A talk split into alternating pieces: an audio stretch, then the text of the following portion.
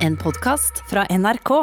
Denne tirsdagen fikk vi realisert noe jeg har hatt lyst til å gjøre eh, veldig lenge, nemlig å ha en så nøye gjennomgang som formatet tillater av de landene som faktisk har greid seg bra, eller relativt bra, gjennom koronaen, og få vist at det finnes alternativer til den strategien som eh, vi fører i, ikke bare i Norge, men som stort sett føres i Europa.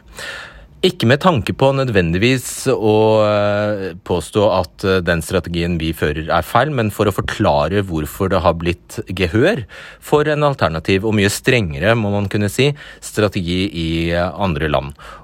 Og jeg syns selv at dette ble veldig interessant. Vi kunne så klart ha boret enda dypere, men samtidig så rakk vi innom en god del land som er veldig ulike i både statsstyre og i kultur.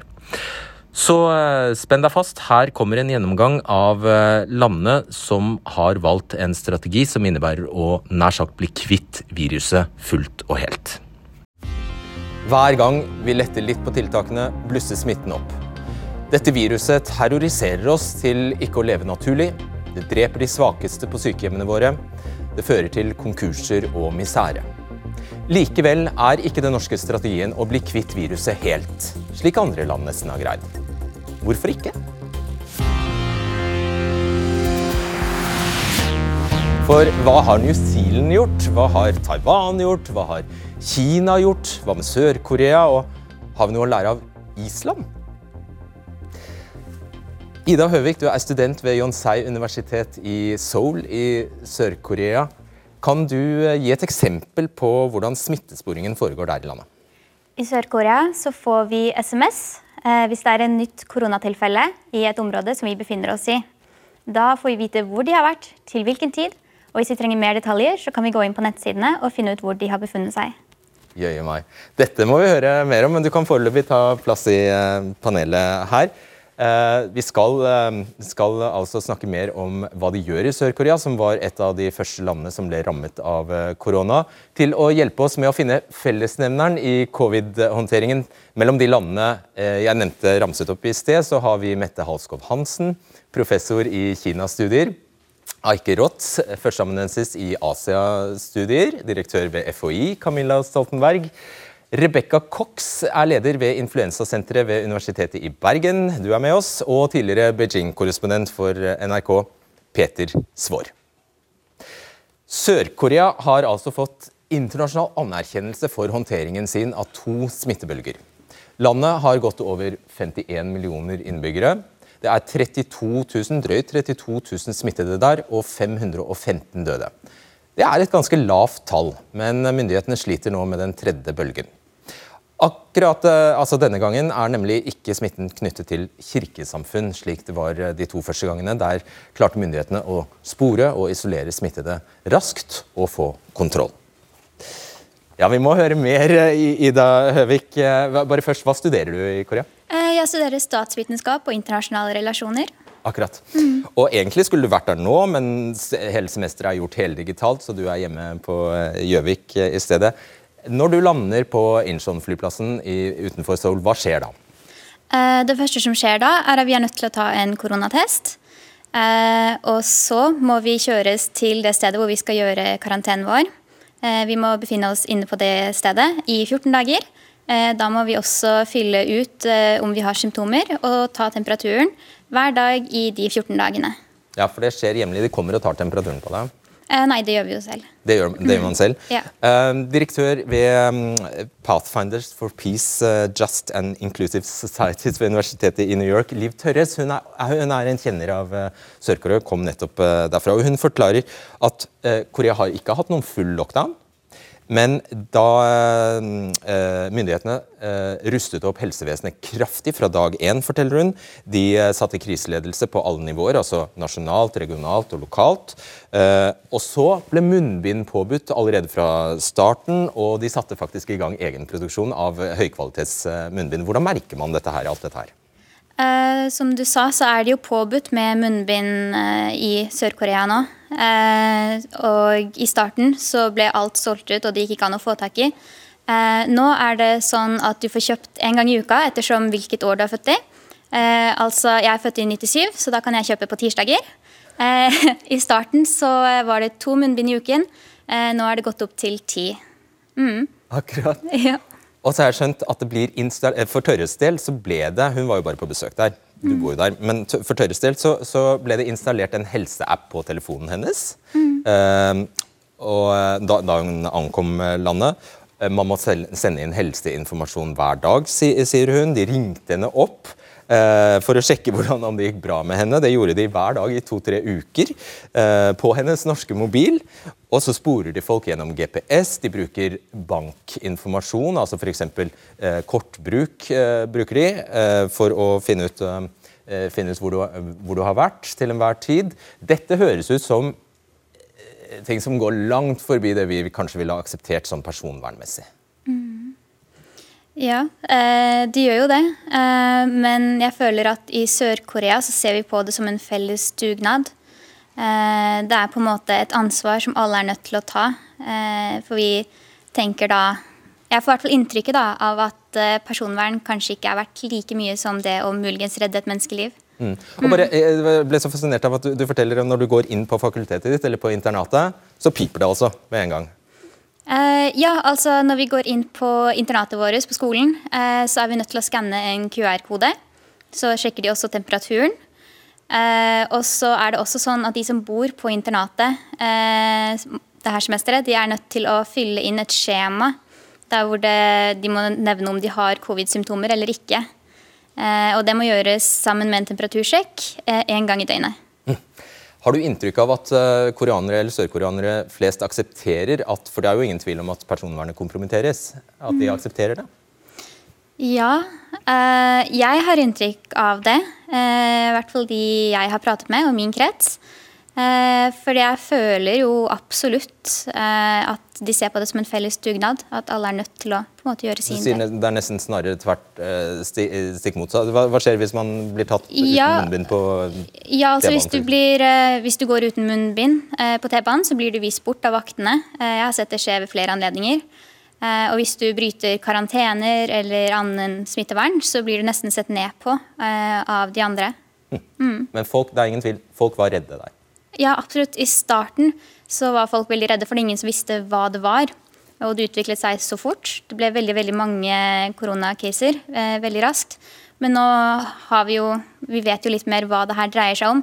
Eh, så jeg tenker at eh, de fleste tar det ganske greit nå. Og du føler deg trygg der? Jeg føler meg veldig trygg. Og da, du reiser tilbake no- eh, på nyår, eller? Tror du? Jeg tenker det, ja. Camilla Stoltenberg, av de tiltakene det du fikk listet opp eh, nå, hva kan du umiddelbart bare fastslå at vi ikke kunne gjort her? Vi kunne nok ikke brukt persondata på den måten som de gjør i Sør-Korea. Fordi Fordi det er så omfattende. Eh, Man bruker mange ulike typer data, samler dem og følger folk hele tiden. Eh, Nå vet ikke jeg hvordan det er med samtykke til å gjøre dette. Det sa du ikke noe om. Vet du hvordan det er? Eh, jeg er Må litt man? usikker. Jeg tror eh, hvis du får korona, sånn som jeg har forstått det, så eh, må du. Eh, og vi som er på skolen, på internatet, eh, vi må også så fremt vi bor på internatet. Ja. Og alle som kommer fra andre land må antagelig også. ja, så klart. For mens de er i karantene, så må de være helt sikre på at vi ikke forlater området. Mm. Men hvis det skal fungere effektivt, så må antagelig alle, uten at de blir spurt om samtykke. Men jeg kjenner ikke regelverket godt nok, så jeg kan ikke svare på om det er slik det er. Så det kunne vi bare ikke ha gjort? Nei, det kunne vi ikke ha gjort. Interessant. Ehm, Da skal vi eh, videre til eh, neste land, og vi skal bevege oss til eh, New Zealand, som ligger på andre siden av jorda. De ligger tolv timer foran oss. Og det er ellers mange likheter, blir det ofte påpekt, mellom Norge og New Zealand. De har bare fem millioner innbyggere, det er 2000 smittede der, og 25 er døde av covid-19. Og da skal jeg si god morgen til deg, Mathilde Vadseth Furholm. Du er med oss fra hovedstaden Wellington i eh, New Zealand. Er også student. Eh, du kommer fra Ålesund. Er for så eh, Ålesund, men studerer altså ved Victoria-universitetet i Wellington. Først, hva, hva er det du studerer der? Jeg studerer teater og pedagogikk. Nettopp. Du sier at New Zealand har tatt smittesporingen ekstremt eh, seriøst. Eh, Hvordan har du merket det? Um, ikke på nær så seriøst som Sør-Korea, men um, smittesporings-QR-koder er absolutt overalt. Uh, og folk ser på det som en plikt uh, at du sjekker inn med den QR-koden uansett hvor du er. Hvis det er en QR-kode, så sjekker du den.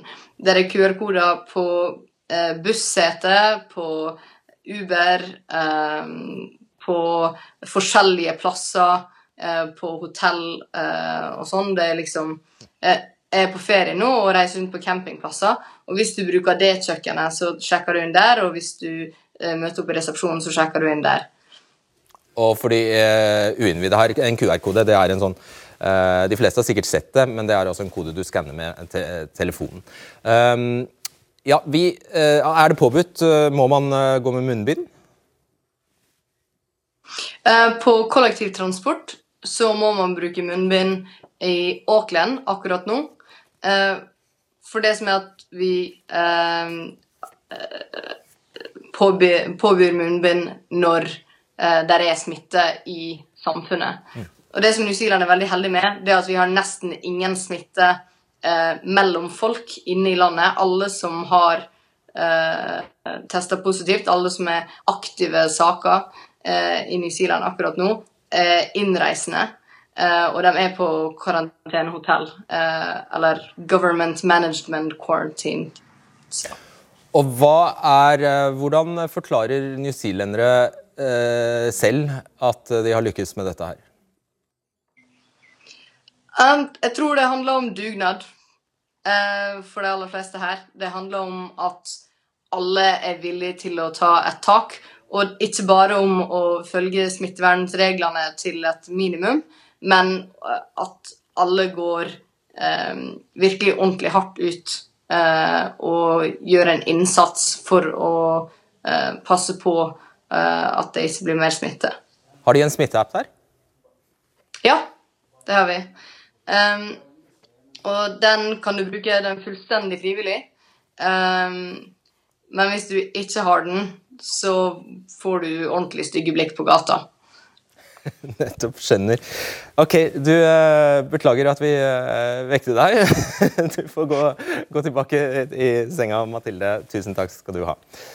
Og så skal jeg også bare si takk til eh, Ida, som er litt uhøflig bare avrundet her i, i sted. Peter Svaar, du er altså tidligere korrespondent for NRK i Kina. Har fulgt koronautviklingen både i disse landene vi snakker, uh, snakker om her som journalist, og i, hjemmefra. Nå er jo New Zealand det, det, det, siste landet vi eh, snakker om, og der har de altså nærmest greid å utrydde uh, viruset helt. Er svaret så banalt som at New Zealand består av to øyer?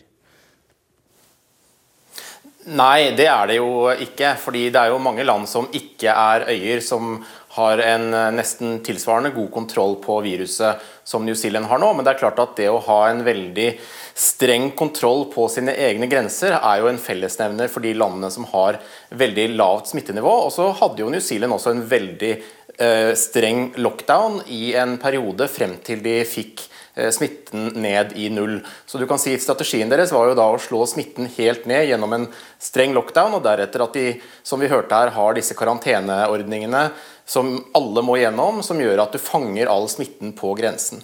Mm. Jeg tror bare vi jumper videre til eh, neste land. Det er eh, Vietnam. Eh, Vietnam er en sosialistisk ettpartistat. Landet har faktisk, det er et stort land, nesten 100 millioner innbyggere. Men utrolig 1331 koronasmittede ifølge statistikken, og bare 35 døde. Uh, Aike Rotz, uh, velkommen til deg. Du er førsteamanuensis i Asia-studier ved Universitetet i Oslo. Ditt spesiale er nettopp eh, Vietnam og Japan. Vietnam er også et veldig fattig land, så hva er hovedforklaringen på at de har greid det? Ja, jeg var i, Vietnam i slutten av januar. Til slutten av februar var det i en måned. Um, og På det tidspunktet så var det veldig få smittede utenfor Kina. Eh, også i Vietnam. Det var bare 10 eller 15. Eh, men de tok det på alvor, og folk spurte, folk spurte, meg hvorfor har du kommet hit. Er ikke det mye tryggere å bli i Europa nå? Eh, og De så på dette som et nytt SARS-virus som de hadde i 2003, som noe veldig farlig. Og Helt fra begynnelsen så kom de med veldig strenge tiltak. Eh, alle skolene i hele landet ble stengt, selv om det bare var 10-15 smittede. Ingen kulturelle arrangementer. Arrangementer ble avlyst. og så ble Grensen med Kina ble stengt. Og så kom regjeringen med en stor informasjonskampanje for å få folk til å vaske hendene. Bruke populærkultur, popmusikk til og med, for å få folk til å vaske hendene. Og, og bruke munnbind helt fra begynnelsen. Akkurat. Men nettopp det at eh, Vietnam er et så stort og fattig land, det gjør jo at de har ingen mulighet for å masseteste. Så Nei. hva gjorde de? Så De har satset veldig sterkt på eh, eh, smittesporing. Eh, detaljert smittesporing. Hvis noen har fått påvist, har, hvis det er påvist eh, covid-19, finne ut hvor vedkommende har vært på bare restauranter, kafeer osv. Og, så og som alle som har vært på de stedene samtidig, må ut i karantene og bli isolert. Så Det er også veldig strenge eh, karantenetiltak. og det er ikke, Ofte er det ikke nok med hjemmekarantene, men da må man ut i karanteneleir. Så den kombinasjonen av eh, smittesporing, detaljert smittesporing og isolasjon er en viktig ting. Og så tror jeg det de sier, at Vietnam er et fattig land, det er viktig, fordi myndighetene er bevisst på det. Eh, de er bevisst på de har begrenset eh, sykehuskapasitet.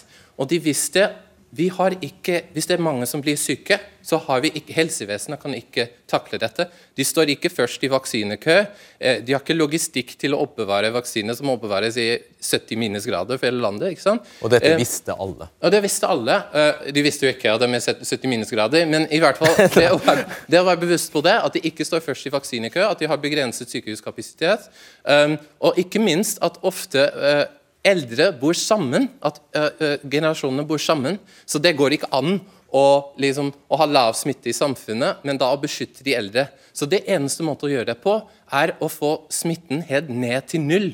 Akkurat som New Zealand har gjort. Camilla Stoltenberg, Nå er det vel nesten bare forskjeller mellom Vietnam og Norge, men ser du noe, hører du noe her som det er åpenbart at Norge kunne gjort eller lært av? Jeg vil si Det som slår meg først, er det å forstå med en gang at dette er alvorlig. Eh, og forstå det før noen er død, kanskje før noen er syke, eh, på et nivå der veldig få er smittet. Ja. Eh, det tror jeg er en viktig ting. Vi har ikke hatt erfaringer i nyere tid som gjør at vi har den type forståelse. Det gjelder egentlig hele Europa, og det gjelder også USA. Så det, du sier nesten at man må ha vært gjennom det for å forstå det? Alt dette er jo egentlig hypoteser, da, for vi vet jo ikke helt hva alle disse forskjellene skyldes, selv om det begynner å avtegne seg et bilde som gjør at vi, vi kan se noen mønstre. Så, så, tenker jeg at det å ha den forståelsen som gjør at så mange skjønner at vi må handle på et så tidlig tidspunkt, og vi må prøve å handle på en måte som minimerer skadene ved tiltakene, det tror jeg er viktig. Peter Svaar, du har en historie når det gjelder eh, Vietnam som er eh, spesielt fascinerende, det må jeg eh, si.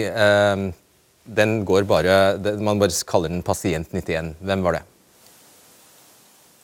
Pasient 91 det var en britisk BA-pilot som landet i Vietnam i mars, omtrent samtidig med at eh, Norge stengte ned og at viruset hadde virkelig nådd Europa. Så ble denne britiske mannen eh, alvorlig syk og havnet på sykehus i Vietnam. og Han havnet etter hvert i respirator. Ehm, og han sto i fare for å bli rett og slett Vietnams eh, første covid-offer. Eh, den første som kunne dø i, eh, i landet. Og Da satte altså hele landet i gang, nærmest en slags innsamlingsaksjon. Dette ble en svær hendelse på TV-nyhetene og i sosiale medier. Man samlet inn penger, slik at han skulle få virkelig den aller, aller beste behandlingen det var mulig å få. Og man greide til slutt, etter 68 dager på sykehus, å redde ham. og Han ble utskrevet i eh, sommer. Eh, og på det tidspunktet hadde vel Vietnam da fortsatt ingen virusdødsfall. Og så fikk de en eh, ny, mindre bølge i august, og det er jo årsaken til at de nå har noen titalls døde. Hm. Fascinerende. Eh, Rebecca Cox, eh, Jane Cox, eh, du er professor ved Universitetet i Bergen og har bl.a. ledet influensasenteret der. Nå jobber du for det nyopprettede pandemisenteret i Bergen. Fra et medisinsk perspektiv, de, av de landene vi har vært innom nå, det, klarer du å se noen fellesnevnere? Jeg tror de land som handlet raskt og forstår at dette var alvorlig, har tatt viktig grep. Og så har de klart å få smitte ned. og så det får det lettere å få kontroll etter hvert. Så det er det å være raskt ute. Men det, det fordrer vel kanskje, som Stoltenberg sier, at man evner å identifisere det veldig tidlig? Man kjenner lusa på gangen? Ja, men også hvis man har god politisk lederskap. Så Hvis vi tar Storbritannia, hvor jeg kommer fra, og USA, så hadde de gode planer. Men de, hadde, de fulgte ikke vitenskap, og derfor blir det ikke gode avgjørelser å stenge ned tidlig. Og vi ser at begge to land er USA toppen i verden med dødsfall, og Storbritannia toppen i Europa med dødsfall. Så jeg tror det var en du trengte god politisk lederskap og ta viktige avgjørelser i begynnelsen når det var knapt med beskyttelsesutstyr og det var knapt med forståelse av virus. Det er et veldig godt stikkord til det neste landet vi skal bevege oss videre til. Det er Taiwan, som er en øy rett utenfor eh, fastlandskina.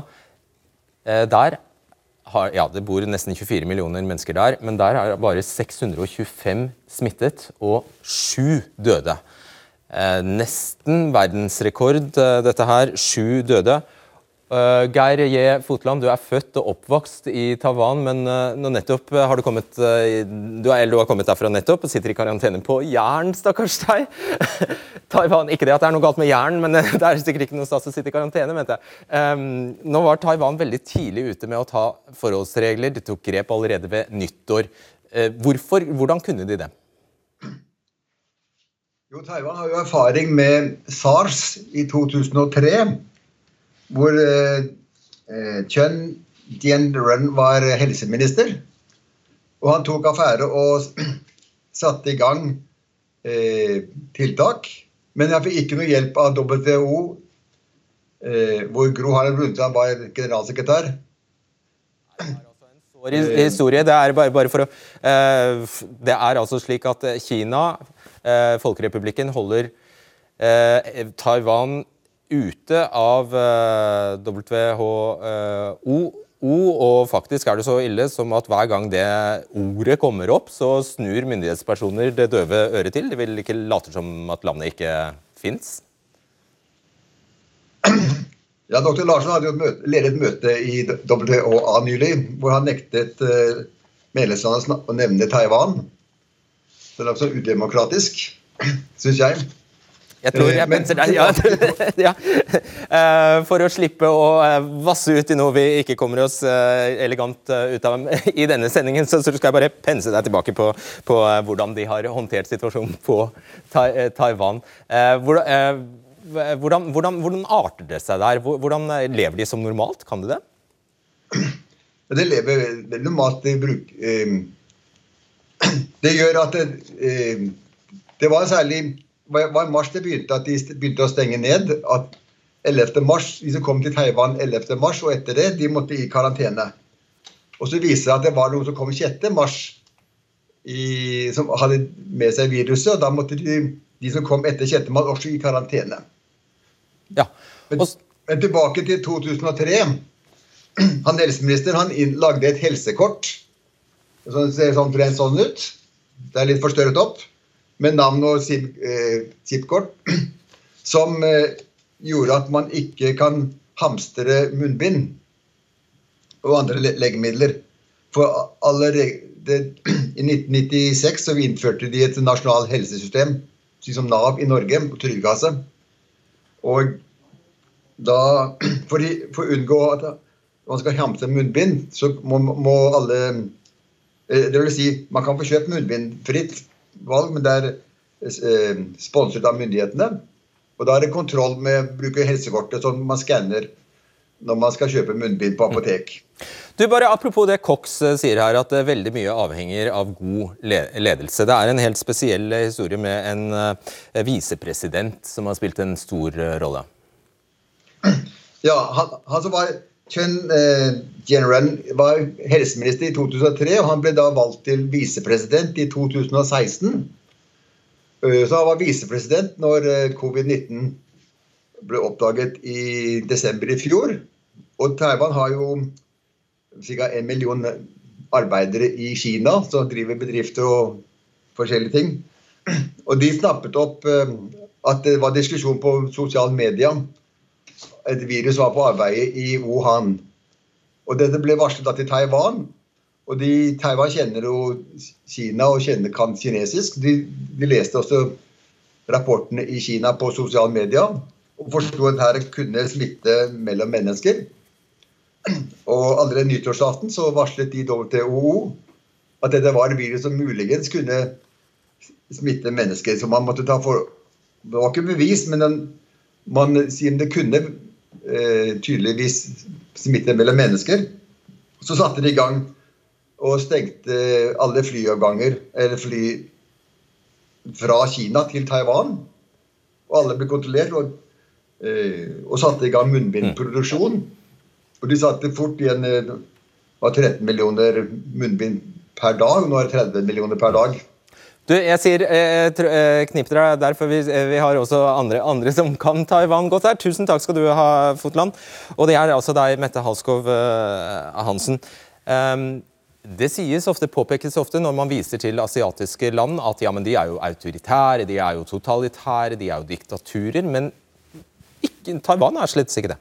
Nei, Taiwan blir jo ofte beskrevet som et av Asias best fungerende demokratier. Og det er jo et relativt ungt demokrati også. Men jeg tror vi må tilbake til de fellesnevnere som har vært nevnt av både Camilla og, og Eike. Og det er rett og slett at Taiwan gikk i gang øh, veldig veldig tidlig. Øh, de satte veldig målrettet inn. Øh, og de hadde den erfaring med SARS, som ble nevnt her. Øh, folk er rett og slett rette. Øh, myndighederne var redde for at der kunne komme en, en, epidemi som lignet på det der var i 2003, hvor jo dødstallene, altså prosentvis av de der ble smittet, var langt høyere enn, enn, vi ser i dag for, øh, for covid-19. Øh, og så tror jeg at det er viktig å og faktisk også se litt på hvordan befolkningene reagerer. Altså, vi snakker mye om hvordan myndighetene setter inn, øh, hva bakgrunnen er for at de setter inn på den måten de gjør. Men det er interessant å se også hvordan befolkningen øh, faktisk reagerer. Om man, I hvilke områder, hvilke lande er befolkningen villige til å slutte opp om tiltak? I hvilken utstrekning blir de involvert i f.eks. utvikling av smitteapp? som har vært en veldig åpen prosess i Taiwan, hvor folk har kunnet komme med innspill, si hvordan de gerne vil ha det, være med til å, å, å finne ut av hvordan skal vi gjøre det her. Og Da får du på en måte en slags øh, fellesskap øh, som er mulig i et demokrati øh, som Taiwan. Interessant. Og da skal vi til landet der det hele startet, Folkerepublikken Kina og Wuhan med sine 1,4 milliarder innbyggere, er 86 490 smittede. Det må man si, kunne si er få mennesker, og i hele landet er bare Ja, nei, jeg skal ikke si bare. 4634 er døde. Det er ille nok. Erik Solheim, de fleste her hjemme kjenner deg. Er det god morgen? Det er det vel kanskje? Har vi dratt deg opp på senga? Det er eh, fire, fire om natta, så jeg vet ikke om det er morgen eller Ok, greit. Takk for at du er med, Erik Solheim. Du er med som privatperson. Vi kjenner deg selvfølgelig mest eh, som, eh, best som politiker. Du har nylig kommet ut av en to uker lang karantene på hotell i Shanghai. og Grunnen til at jeg starter der, det er jo at vi har en pågående debatt om koronahotell her eh, hjemme. Hvordan var det? Det var jo en illustrasjon på det vi har hørt i hele programmet, hvor mye mer alvorlig asiatiske land tar viruset enn hva vi har gjort i Europa. Norge er jo et hederlig unntak med hva som har vært vanlig i Europa. Da eh, jeg kom på flyplass til Shanghai, var samtlige som jeg var i kontakt med, var i birøkterutstyr. De hadde koronautstyr fra topp til tå. De hadde ikke bare maske, men hadde en plastbeskyttelse foran ansiktet. Ble kjørt inn til byen, så var det igjen det var plastskille mellom forsete og baksete. Og sjåføren tok på seg full smittevernutstyr for å kjøre meg inn til byen.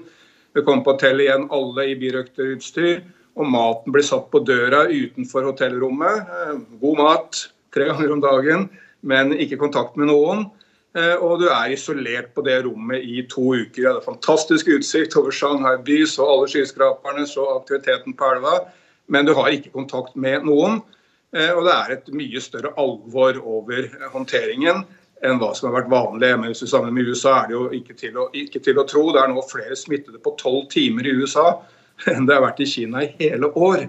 Men så, Erik Solheim... Det dør flere, det dør flere på to dager i USA det er dødd i Kina hele år, enda Kina er fire ganger så mange innbyggere som USA. Men så, så Den åpenbare innvendingen Erik Solheim, det er litt forsinkelse her, så det høres ut som en avbrytelse, selv om ikke det er meningen. Det åpenbare innvendingen er at Kina er verdens største diktatur, og de kan gjøre dette ting andre land ikke kan.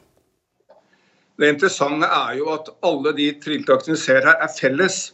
Det er felles for demokratiske Sør-Korea og Taiwan og New Zealand og mer autoritære Kina og Singapore. I det store og hele har de gjort akkurat det samme. Og de har i det store og hele gjort akkurat det samme som vi har gjort i Europa også. Jeg vet ikke noe kineserne har gjort som ikke vi prøver i Norge, og som ikke til og med amerikanerne og britene har prøvd å gjøre. De har bare gjort det mye mer effektivt, mye bedre ledet eh, enn oss. Og Det er én måte å håndtere viruset på, har det vist seg, som er effektiv. og Jo nærmere du kommer den, eh, jo bedre går det. Kortet er det å stenge grensene så du ikke får ny smitte inn i landet. Sikre at det blir testet hele tiden Eh, og at de som blir eh, testet positive, blir, blir sporet opp hvem de har vært i kontakt med. En sterk anbefaling om å bruke maske. Eh, og det er å isolere smittede på hotell istedenfor at de blir sendt hjem for å smitte resten av familien. Og det siste de fleste mennesker ønsker, er å smitte de aller nærmeste sine, sin egen familie. Ja, og bare helt til slutt. Er det åpenbart at strategien der går ut på å bare bli kvitt viruset fullt og helt? Ja, absolutt. Og nå er jo kineserne selvfølgelig veldig stolte av seg selv på hva de har fått til. Økonomien er tilbake igjen. Nesten, nesten, all, nesten all vekst i økonomien i verden, i hele verden i år kommer i Kina alene. Eh, de hadde 5% vekst i tredje kvartal. Eh, det er, du ser, alle du ser her går med maske. Men T-banen går som vanlig, skolene går som vanlig, alle arbeidsplasser går som vanlig. Og det er møter med mange tilstedeværende. Og i de møtene trenger ikke engang folk bruke maske, fordi eh, ledelsen i landet nå er trygge på at de har full kontroll. Og straks det kom et lite utbrudd, det var et lite utbrudd i Shanghai da jeg var der, det var ni mennesker som var smittet i en by på 20 millioner. Vel, da stenger de av det området og får kontroll igjen.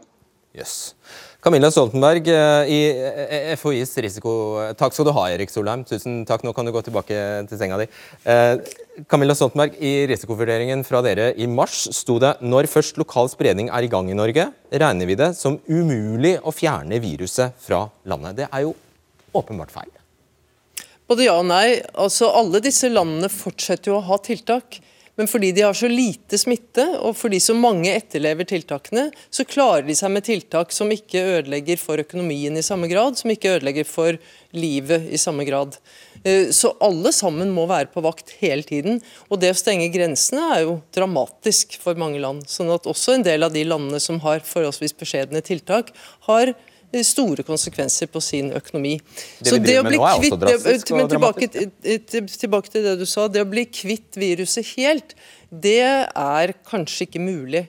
Det å kontrollere det godt, slik at det ikke sprer seg, og at man slår ned på de små utbruddene som dukker opp, det er mulig. Peter Svår, du satt der, eh, du, du, har fulgt med fra starten, starten av. Hva var det du, du bet deg merke i? Nei, Det er jo akkurat det som Solheim og mange har vært inne på, det store alvoret dette ble håndtert med i Asia. altså Taiwan stengte grensene sine allerede rett over nyttår. Eh, deretter så gikk eh, Vietnam i tilsvarende lockdown. De isolerte en landsby med 10 000 mennesker eh, i januar, da de hadde mistanke om å ha fått inn et smittetilfelle. Og det var, Du så jo hvordan Kina isolerte hele Hubei-provinsen og satte soldater på togstasjonen. altså Det var et voldsomt alvor Eh, i Asia, og så kom viruset til Europa. Og Det som var veldig spesielt å være vitne til da i eh, februar-mars, det var jo diskusjonen i noen europeiske land, det var bl.a. Storbritannia, det var Nederland og, og, Sverige, som snakket om at man skulle la smitten på en måte gå gjennom befolkningen og bygge en flokkimmunitet. og Det var en, en tilnærming som var så totalt annerledes enn den som man da kunne se hvis man fulgte utviklingen i Asia, at det var ganske, den kontrasten var utrolig stor. Eh, og så tror jeg også eh, det, disse landene jo har hatt til felles, er at de har hatt mye sterkere kontroll på grensene sine enn det man har hatt i Europa. og Det er jo fordi at det er politisk vanskeligere i Europa med hele EU-prosjektet, EU-tankegangen med fri flyt av mennesker og kapital, så er jo det å stenge grensen sånn som asiatiske land har gjort, det er jo på en måte å, å kaste hele den ideen over bord. og Det er, eh, har blitt sett på som en politisk umulighet i større grad enn det mange asiatiske land har tenkt. Cox, Er det en forutsetning, eller det eh, ser man jo egentlig at det ikke er, at disse landene har eh, et velfungerende eh, helsevesen? Det hjelper selvfølgelig. Selvfølgelig hjelper det for å behandle pasienter, men jeg tror at hvis man har bygget opp god uh, helsesmittesporing og, og har hatt erfaring med likt virus, så er det mye lettere å sette i gang med planene man har. Nettopp. Vil du avslutte denne runden? Er det noe med, altså fordi, fordi, det er veldig lett altså man, eh, man, man, Når det er snakk om Kina så, og, og, og, asiatiske land, så er det utrolig lett å ty til forklaringer som at de bare er mer lydige eller eh, mer eh, La meg si et par ja. ting som respons på noe av det der er blitt sagt. For det første, øh, kinesiske myndigheter de hører på deres øh, vitenskapsfolk. Det vil si at de tror heller ikke på, at man kan udrydde virusen fuldstændig fra, fra Kina. Det er faktisk ikke, øh, det, det, er, det er veldig usandsynligt, at de skulle tro på det. Men det de ved, det er, at ved at slå veldig hårdt ned, så kan du holde det sandsynligvis så langt nede, at samfundet kan fungere, som det gør nu i høj grad igen, og økonomien kan komme i gang igen. Så er det også lidt vigtigt at huske på, at Kina er delt i tre zoner. Der er lavrisiko, mellemrisiko og højrisiko. Og akkurat nå er det veldig få højrisikozoner, men beredskabet står klart, øh, hvis der kommer højrisiko, hvis der pludselig bryder ut smitte, så ting kan ændre seg. Og den anden ting, jeg var nødt til å si, det er, at der er en god del, del ting, som blir gjort i Kina, som vi ikke kan gjøre i Norge eller Europa. Og det har å gjøre med personvern, og det har å gjøre med, hvordan du følger folk, og det har å gjøre med bruk av QR-koder og apps. Det er en stor debatt. Vi tar ja. den en annen dag, fordi vi skal rekke innom et uh, siste land her. Uh, vi skal tilbake til uh, Europa og til vårt naboland Island. Fordi det er slett ikke bare asiatiske land som tilsynelatende har eh, lykkes. Island blir trukket fram som et land med oppsiktsvekkende resultat. Med sine 342 000 innbyggere er det 5312 smittede og 26 dødsfall. Men det Island har gjort, som antagelig det eneste landet i verden, er å greie å kartlegge praktisk talt hver, eh, hver eneste bevegelse til koronaviruset. Helsetilstanden til alle som har vært smittet, er registrert. Myndighetene kan genetisk spore hvert smittetilfelle, og de har testet massivt. Island har holdt grensene åpne og tatt imot turister fra 45 land siden juni. Og de har vært gjennom eh, ja, tre bølger med smitte. For kort tid siden snakket jeg med doktor Kauri Stefansson fra det private selskapet Decode, som har stått for massetestingen. Iceland started to follow the emergent epidemic in China in the beginning of January. The healthcare authorities followed it very diligently and they started to screen for the virus on the 31st of January, and they had screened for a whole month before they diagnosed the first case. So indeed, I think that we were relatively well prepared because of our, our focus on, on following what was happening elsewhere and screening with qPCR people who were coming from areas that were considered to be high risk. So, and, and you are also the CEO of the uh, biopharmaceutical company Decode, which has been instrumental in the corona testing in Iceland. How, how would you explain what appears to be an Icelandic success? I think that the, uh, we were relatively successful, although I don't think we have any reasons to thump our chest over it.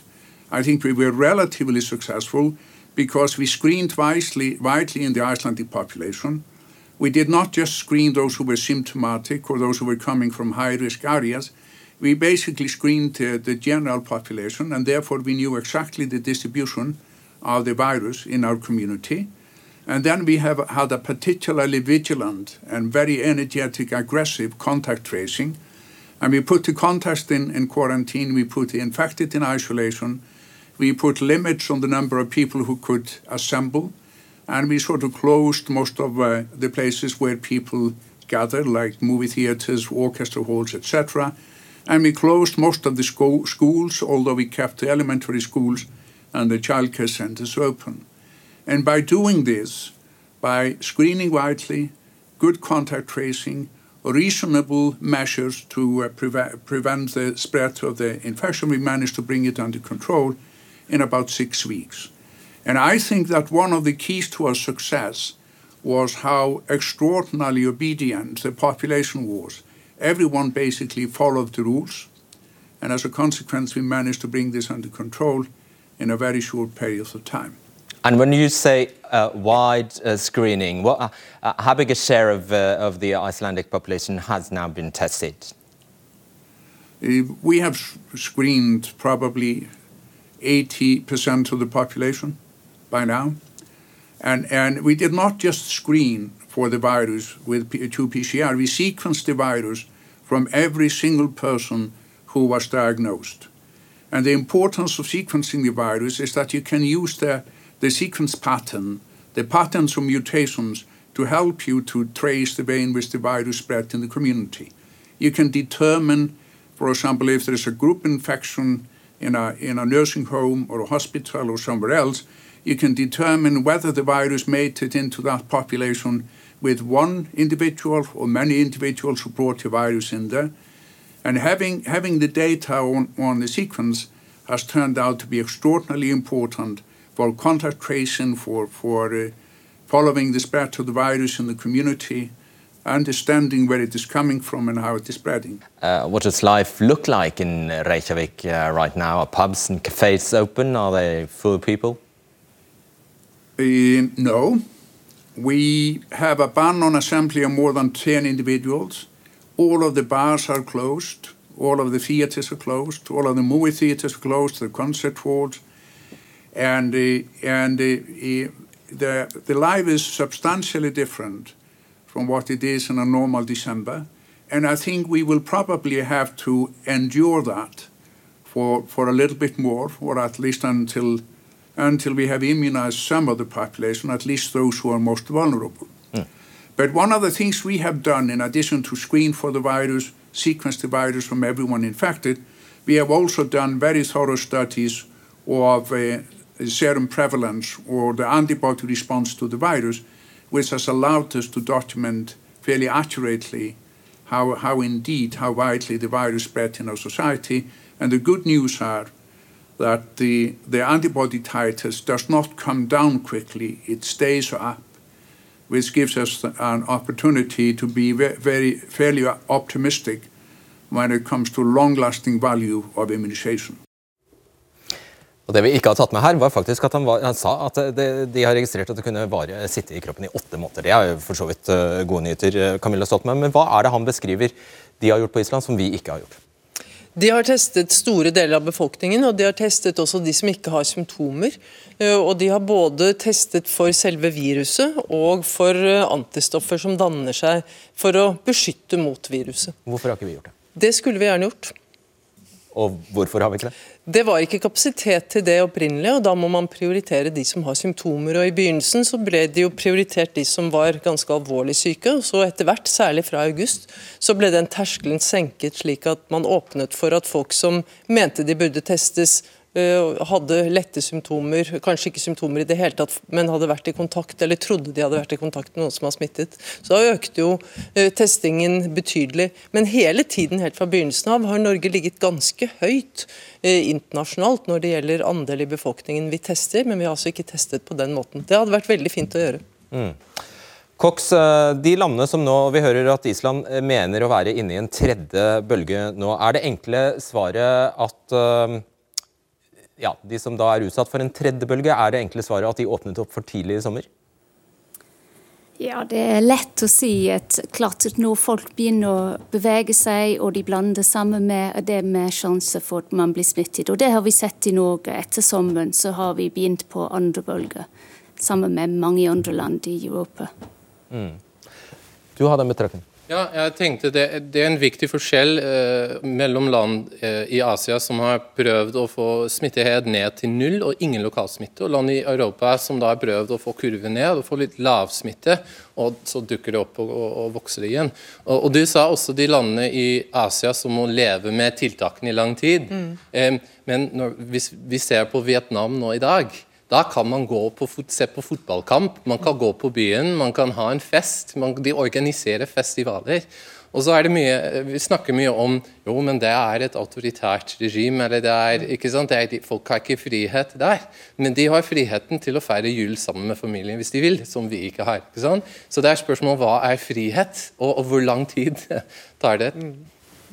Nei, jeg, jeg, er enig i det. Og, og, da jeg sa at de må ha tiltak, så var jo mitt poeng egentlig at men de kan ha tiltak på et veldig lavt nivå. Ganske skånsomme og presise tiltak. Og det er jo nettopp det vi etterstreber. Og for så vidt klarte en god stund. Til og med utover høsten da smitten steg, så klarte vi å holde det nokså flatt. Men det kom til et punkt der det ikke var tilstrekkelig. Og vi har for mange som vi ikke har oversikt over. Og jeg tror nok at grensestengning er en av de tingene som vi ikke har hatt så sterkt eh, Eller som et så sterkt virkemiddel inntil nå, inntil nå nylig.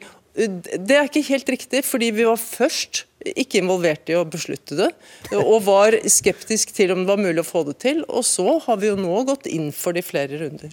Ja, Men det var jo for seint, da. Nei, eh, det var ikke for sent. Vi om vi, vi ga tilslutning til det også i våres, og så har vi nå ivret for det i denne runden. Hansen, eh, når du ser på ehm, eh, land som Kina, som altså tilsynelatende greier å, holde, holde, smitten på et mye lavere nivå enn enn europeiske land, hva kommer etter det? For de vil jo være like avhengig av en vaksine, å seg av en vaksine, de. De kan ikke holde, holde seg inne Kanskje Kina kunne det, fordi de er så store? Jeg vet ikke. Nej, de ønsker på ingen måte å holde seg innestengt. Altså, Kina ønsker å være en del av verdenssamfunnet, og de blir veldig fornøjet den dag, de kan åbne grensene ordentlig opp igjen. Og de sitter og venter på vaksiner, vacciner, ligesom vi andre gjør, og de har helt sikkert et beredskap beredskab klart for, hvordan de skal gå videre med vacciner. De er vel også i gang med å utvikle en selv. Jeg vet ikke, hvor langt. Det, det vet jeg ikke noe om, hvor langt det er. Men, øh, men de ønsker absolut ikke å stenge seg inne øh, af det her. Men jeg tenker, det som de har lært av det her, det er jo kanskje først og fremst at man må ut med informasjonen tidligt. Det skete jo ikke i Kina, og det var der jo mange mennesker i Kina, som var misfornøyd med. Informasjonen må ut tidlig. og når den så er ude, så må man reagere fort. Og jeg tenker at det Norge og Europa kanskje kunne ha lært fra de østasiatiske lande, det var jo, at da de gikk igjennom SARS-problemet, øh, hvorfor lærte vi egentlig ikke av det? Hva er hovedforklaringen på det veldig kort? Så, eh, fordi det ikke rammet oss. Ja. Eh, det rammet dem, og det rammet Kina veldig hardt. Mye hardere for så vidt enn bare antall døde, selv om det var dramatisk i seg selv. Det rammet også hele Kinas troverdighet, eh, fordi de ikke hadde varslet, bl.a. Det ble holdt skjult ganske lenge, og de oppfattet både at de ble kritisert sterkt av omverdenen pga. det, men også at de hadde ikke beredskap. De hadde ikke folkehelseinstitutter, for å si det litt enkelt. Og de bygget opp sitt eh, China CDC, som nå er kjempestort, veldig bra. Eh, holder høy vitenskapelig standard og er veldig effektivt og en viktig del av responsen her. Og denne debatten fortsetter selvfølgelig. Takk for i dag. Tilbake tirsdag. Jeg har lyst til å skryte av det fantastiske apparatet som får i stand en sånn sending som dette her. Redaksjonen har ringt vettet av seg siden eh, i går. Altså På ett døgn har vi klart å eh, finne personer som eh, ikke er eksperter, de var amatører, men som har førstehåndskjennskap til hva som foregår i disse landene. Bare tro meg, det er ikke gjort i en håndvending å finne personer i Norge som kjenner Taiwan, f.eks. Så det er jeg faktisk stolt over at vi greier. Og så det praktiske er det, eh, må jeg bare si, altså det er en ganske stor bragd å eh, greie å få dette til teknisk. Det er utrolig mye mikmak å få disse linjene til å fungere. Eh, ta, vi har tatt, måttet ta hensyn til store tidsforskjeller her. Eh, ja, i det hele tatt. Med så mye som skjer i studio, så er det også krevende for de som styrer lys og lyd og kameraer. Så dette er virkelig en laginnsats. Og på toppen av det så skal jo alt researches eh, så grundig som overhodet mulig på eh, et døgn. Og vi har fått utrolig god hjelp. Det har vært veldig mye velvilje ute å gå. Så tusen takk, og takk for at du hører debatten på podkast. Du har hørt en podkast fra NRK. Hør flere podkaster og din NRK-kanal i appen NRK Radio.